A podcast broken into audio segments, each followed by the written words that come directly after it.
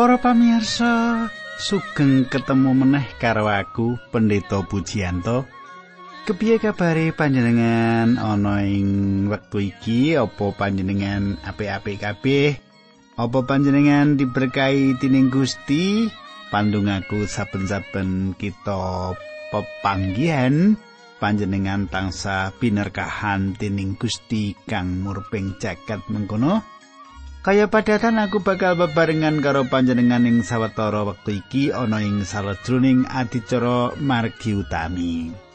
Panjenengan pirsa margi utami sawijining adicara ingkang nderekake panjenengan sinau pangandikane Gusti kang tak jupuk saka kitab Purwaning dumadi nganti tekan kitab Wahyu genti-genten ing perjanjian lawas lan perjanjian anyar.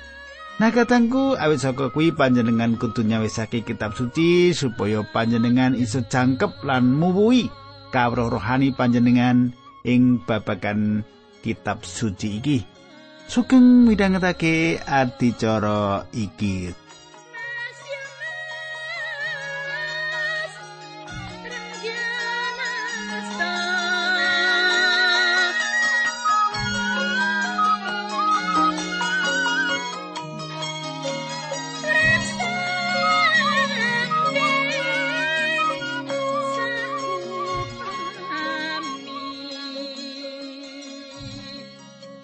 Sumitraku, aku ngarep-arep panjenengan isih kelingan apa sing tak aturake nalika patemon kita kepungkur. Ing sadroning patemon kita kepungkur kita wis sinau babagan nalika Gusti Yesus dicekel karo para mungsuhe lan nalika semono para murid padha mlayu lan ana ing kahanan kang kaya mengkono Petrus nyingkur Gusti Yesus lan patrape Petrus kang kaya mengkono kuwi wis dingendikake Gusti Yesus sadurungi. Kepiye saterusé panjenengan tak derekake nyemak ing patepon iki nanging becik aku ngaturake salam dhisik ya. Salam marang Bapak Ibu sing wis kirim layang kanggo program margi utami iki. Aku ngaturake salam kanggo Bapak Budi Wardoyo. Bapak Budi Wardoyo kados pundi menapa panjenengan sesarengan kalian kawula ing kalodhangan menika Pak? Nggih pandonga kula panjenengan tansah diberkahi dening Gusti. Sinaosa panjenengan wonten ing tebih mriku. Nggih. Nah kadangku ayo kita ndedonga bebarengan.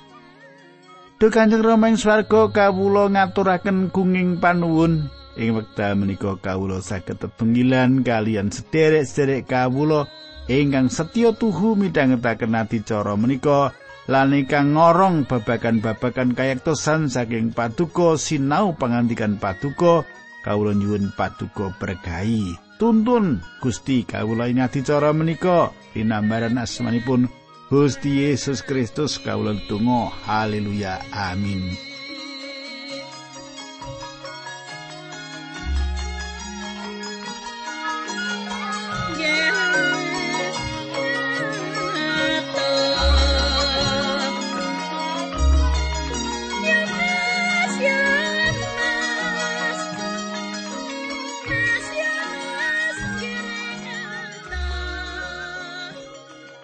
Sumitraku pasinaon kita wis ngancik ing bab 15 saka Injil Markus. Lan panjenengan tak derekake nyemak kang ana sambung rapete nalika Gusti Yesus disalib. Lelakon disalibe Gusti Yesus iki sawijining lelakon kang gedhe kang ditulis sing Injil Markus iki. Injil sawijining catetan bab apa kang ditindakake Gusti Yesus lan dudu apa kang dituntut Allah supaya panjenengan tindakake. Injil yaiku apa kang wis ditindakake Gusti. Dudu apa kang wis ditindakake aku lan panjenengan. Apa kang panjenengan lan aku tindakake sadengah apa wae kang kita tindakake ora bakal dadi keparengi Gusti Allah. Kayektene aku lan panjenengan ora bisa ditampa kanggo dalane keselamatan. Monggo panjenengan semak Markus 15 ayat 1 ing kene Gusti Yesus meratelakake. Isi sok banget para warganing pradata agama wis nglumpuk kabeh. Para pangareping imam, para panggedene bangsa Yahudi lan para ahli Taurat padha inggal-inggal rembugan Gusti Yesus dibondo nuli digawa menyang ngarsane gubernur Pilatus lan dipasrahake. Sumitraku, Kenapa para pemimpin agama iki masrahake Gusti Yesus marang Pilatus? Kenapa? Awit Mahkamah Agama Yahudi bisa matrapi paukuman pati marang Gusti Yesus nanging Mahkamah Agama kuwi ora bisa ngeleksanani paukuman kuwi. Mung pemerintahan Romawi kang bisa nindakake. Awit saka iku para pemimpin ngajokake panyuwun marang pengadilan Romawi supaya ngleksanakake paukuman pati kang wis dadi putusan pemimpin agama iku. Lan sawise ana ngarepe Pilatus dakwan ing Mahkamah Agama marang Gusti Yesus ora bisa ditampa dening Pilatus.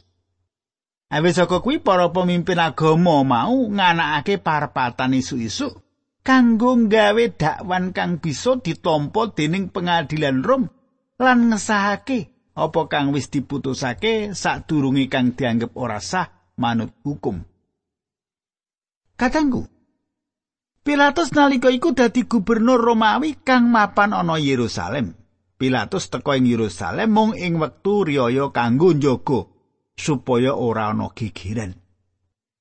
Pemerintah Romawi ora ngidinake dumadining gegeran lan ara-araan kang asipat protes. Yo awit paugeran kang kaya mengkono kuwi pemerintahan Romawi bisa ngadeg nganti ewon taun minangka panguasane jagat. Pilatus kuwi wong politik. Kepentingan atas pengadilan Romawi sawijining kekuatan kang nyurung ing sakjroning uripe. Pilatus sejatine mbudi daya supaya bisa mbebasake Gusti Yesus nalika dheweke ora nemokake kaluputan. nanging uga dheweke mbudidaya kepiye bisa nyenengake para pemimpin agama. Saiki ayat loro, telu, papat, lima, enam. Ana basa pedinan kitab suci ku iki mengkene surasane. Gubernur Pilatus nanggu marang Gusti Yesus apa bener kowe ratune wong Yahudi? Inggih leres menapa ingkang panjenengan ngendikaken mengkono ngendikane Gusti Yesus. Para pengareping imam banjur padha ngaturake pandhawa werna-werna. Gubernur Pilatus banjur ndangu meneh marang Gusti Yesus. Apa kowe ora mangsuli apa-apa? Coba. Semono akeh pandhawane marang kowe, nanging Gusti Yesus ora ngendika babar pisan nganti Gubernur Pilatus gumun. Lumrahe pendak riyaya Paskah Gubernur Pilatus ngluwari wong ukuman siji manut pilihane wong akeh. Kadangku Pilatus gumun lan kaget ngerti Gusti Yesus ora nyoba mbela diri atas pandawan-pandawan iku.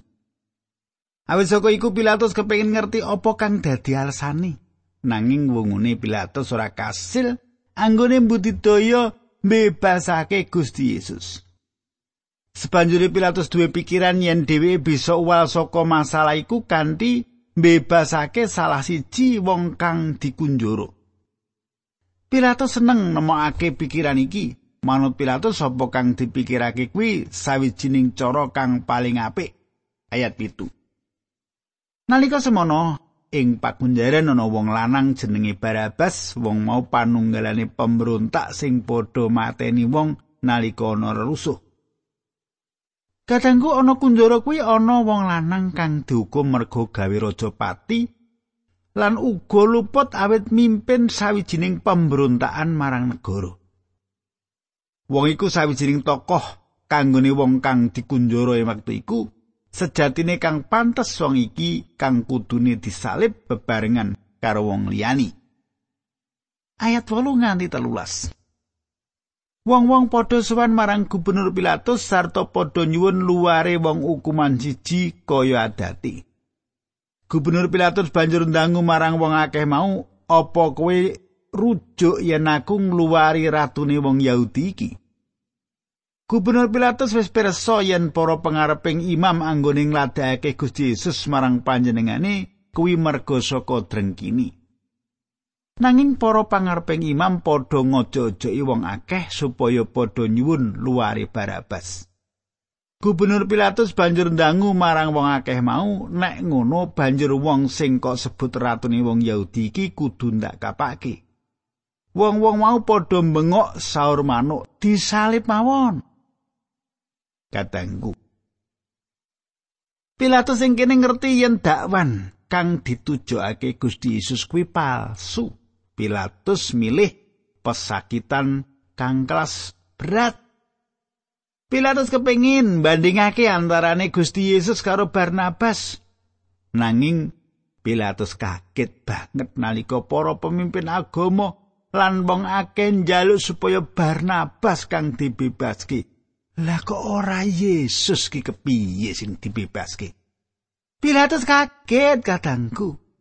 Ngati-ati yo panjenengan serik karo wong tegel patine. Hati-hati. Iki para pemimpin agama iki gandeng serike karo Gusti Yesus.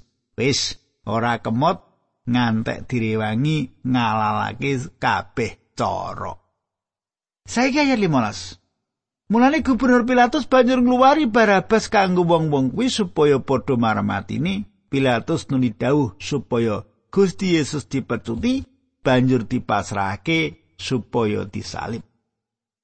Katangku nalika Pilatus takon karo wong akeh apa tindak ala kang wis ditindakake Gusti Yesus, wong-wong mau mung bengok salib ke wong kuwi, salib ke wong kuwi. Ora ana wong siji wae ing antarané wong akeh kuwi kang nggunakake akal sehate utawa kang nggunakake pertimbangan kang bener apa kang ditindakake mung bengok salib wae wong kuwi ayat 15 mau ya Mulane gubernur Pilatus banjur ngluwari Barabas kanggo wong-wong kuwi supaya padha marmatine Pilatus nuli dawuh supaya Gusti Yesus dipecuti banjur dipasrahake supaya disalib. Katangku, Nyemak apa kang ditindakake Pilatus dheweke bisa diarani sawijining tokoh politik kang ringkih lan ora jejeg. Dheweke manut wae awit saka pandhese wong akeh lan tundone masrahake Gusti Yesus supaya disalibake. Priyayi kang jujur kudu mati. Nanging sejatine Gusti Yesus kuwi ngenteni kita. Lan sejatine kita kang luput. Kita kang kudune dihukum. Ayat 16 Markus bab 15. Gusti Yesus digawa dening para prajurit menyang bangsal pengadilan ing gubernuran. Prajurit-prajurit kabeh tumuli diklumpukake. Katangku. Pancen umume wong kang bakal disalib bakal ngadepi para prajurit kang kaya mengkene iki. Prajurit-prajurit mau kalebu prajurit kang kejem lan bisa nindakake apa wae marang pesakitan. Para prajurit mau bakal ngremehake. Para prajurit mau bakal nyiksa lan para prajurit mau nganggo dolanan para pesakitan mau kanthi cara-cara kang ngegirisi. Ya kaya mengkono kuwi kang bakal ditindakake marang Gusti Yesus, para prajurit mau nganggo dolanan Gusti Yesus. Para prajurit mau nutupi socane Gusti Yesus banjur bareng-bareng padha njotosi kejaba wong siji kang ora ngantemi, ora njotosi. Para prajurit mau padha ngantemi pasuryane Gusti Yesus nganti rojah rajeh nganti praupane wis kaya dudu menungsa meneh. Sawise kuwi banjur tutup soca mau dibuka Gusti Yesus dikon bedhek sapa sing ora ngantemi panjenengani? Secara kamanungsan Gusti Yesus ora bakal bisa ngerti sapa sing ora ngamplengi panjenengani. Saumama Gusti Yesus bisa bedhek bener wong-wong mau ora bakal ngakoni lan dolanan mengkono kuwi bakal dibaleni terus. Katangku nalika kedadian perkara kuwi Gusti Yesus yuswane telung puluh taun. Panjenengane isih rasa minangka jejere wong nom. Panjenengane wis biasa mlaku munggah medhun ing daerah iku. Panjenengane tau dadi tukang kayu lan panjenengane bisa nundung wong-wong kang dadi tukang ngijoli dhuwit ing papan pangibadah. Nanging para prajurit wis ngantemi Gusti Yesus tanpa ana rasa welas. Ayat pitulas nganti ayat selikur Matius bab 15. Mangkene surasane Gusti Yesus banjur padha diagemi jubah wungu dening para prajurit mau lan digawekake makutha saka ri. Makutha mau banjur diagemake ana ing mustakane. Sawise kuwi para prajurit nuli aweh pakurmatan marang Gusti Yesus karo muni. Saus bekti ratunipun tiang Yahudi. Mestakane Gusti Yesus banjur ditutuk nganggo kayu lan panjenengane banjur didoni sarta sarta padha sujud ana ing ngarsane. Bareng wis padha marem anggone gawe geguyon, jubahe wungu banjur diuculi lan agemane Gusti Yesus diagemake meneh. Tumuli panjenengane digawa metu menyang sanjabane kutha arep disalib. Ana ing dalan para prajurit kepethuk wong lanang sing banjur dipeksa dikon manggul salibe Gusti Yesus wong mau pinuju teka saka desa arep mlebu kutha. Wong mau jenenge Simon asal saka kutha Kirene bapakne Alexander lan Rufus Kadangku sawise disiksa sekeso iku para prajurit nggawa Gusti Yesus supaya disalib. Ing tengah dalan rombongan mau ketemu Simon kang asale saka Kirene. Bisa uga Simon iki nembe bali saka ngrayakake riyaya Paskah ing Yerusalem. Ketoke dheweke iki mung dituting mengkono wae supaya nulungi Gusti Yesus manggul salib iku. Ayat 23 nganti 23 Markus 15 Gusti Yesus digawa menyang panggonan sing karan Golgota sing tegese panggonan cumplung. Ana ing kono Gusti Yesus arep dicaosi ngunjuk anggur sing dicampur mur nanging ora kersa ngunjuk.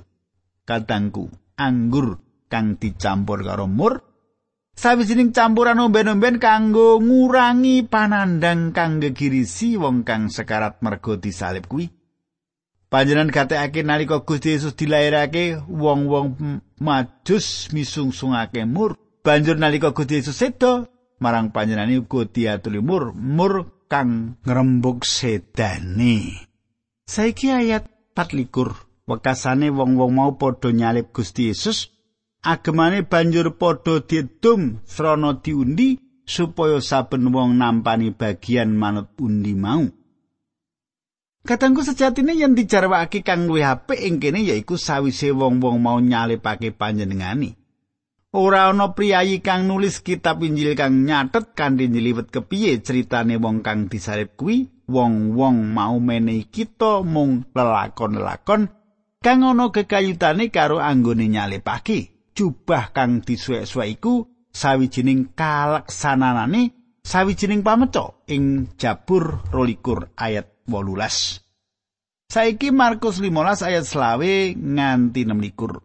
Gusti Yesus kasalib jam songo esuk. Ing sak dhuwure salipe ditulisi pandhawa sing marakake panjenengane nganti disalib, ya kuwi ratune wong Yahudi. Panjenengan semak ing kene. Markus nggunakake tanggalan Ibrani. Dakwan kang dadi jalaran Gusti Yesus disalib yaiku Gusti Yesus didakwa minangka ratune wong Yahudi. Ayat 17 lan 28 Bareng karo penyalipe Gusti Yesus mau wong-wong mau uga padha nyalip begal loro. Siji ana ing satengene Gusti Yesus, sijine ana ing sakiwani. Srana mengkono kang ditulis sing kitab suci kelakon temenan ya kuwi panjenengane kepetung wong ala. Kadangku Gusti Yesus disalibake bebarengan karo begal loro sing siji ing tengen lan sijine ana kiwani. Apa kang kelakon iki minangka kaleksanane apa kang ditulis sing kitab Yesaya 53 ayat rolas. Yesaya 53 ayat rolas lan rilo ngrasakake nasibe wong ala. Saiki Markus 15 songolikur tekan telmu siji. Wong-wong sing padha liwat ana ing kono padha ngisin-isin lan moyoki Wong-wong mau padha gedhe-gedhe lan padha muni saiki rasakno. Kowe arep ngrubuhake pedalamane Allah lan arep kok dekake meneh sakjroning tulung dina. Coba saiki mudhuna saka salib, tulungono awakmu dhewe.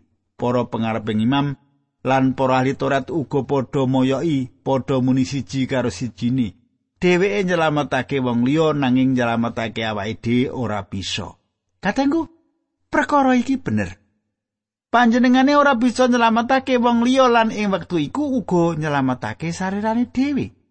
Panjenengane masrahake nyawane kanggo wong liya iki sawijining prinsip utama saka panebusan dosa.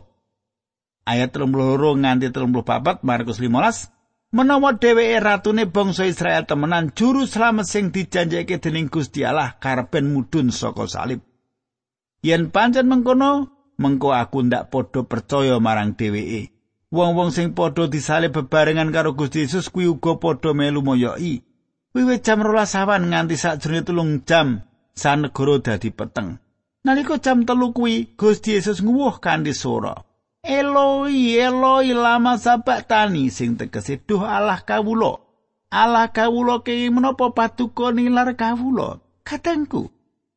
Panjenengan katakake ing kene Markus meratelake anggone nyalepake manut jam ing jam 09.00 esuk Gusti Yesus disalibake. Lan ing jam rolas pepeteng ngalimputi daerah kono. Srengenge ing awan iku ditutupi dening pedhot kang peteng lan pepeteng kuwi nutupi salib. Saka jam rolas nganti jam telu sore, ateges Gusti Yesus gumantung ing salib 6 jam suweni. Ing telung jam wiwitan ana pepeteng rohani. Banjur telung jam sebanjuri ana pepadang rohani. Apa sebabe? Awit ing telung jam kang kawitan, manungsa nindakake apa kang paling ala. Wong-wong mau nyalipake Gusti Yesus lan ngremehake panjenengane. Saora-orane ing telung jam kang kawiwitan para begal mau melu-melu ngremehake Gusti Yesus. Kadangku, ing telung jam kawitan menungsa mbudidaya nindakake kang paling ala. Ing telung jam kang kapindho Gusti Allah makarya. Gusti Yesus nandang kasangsaran ing tangane menungsa. Ing telung jam kang kawitan Gusti Yesus ana ing sadroning kahanan kang setengah mati awet dosa.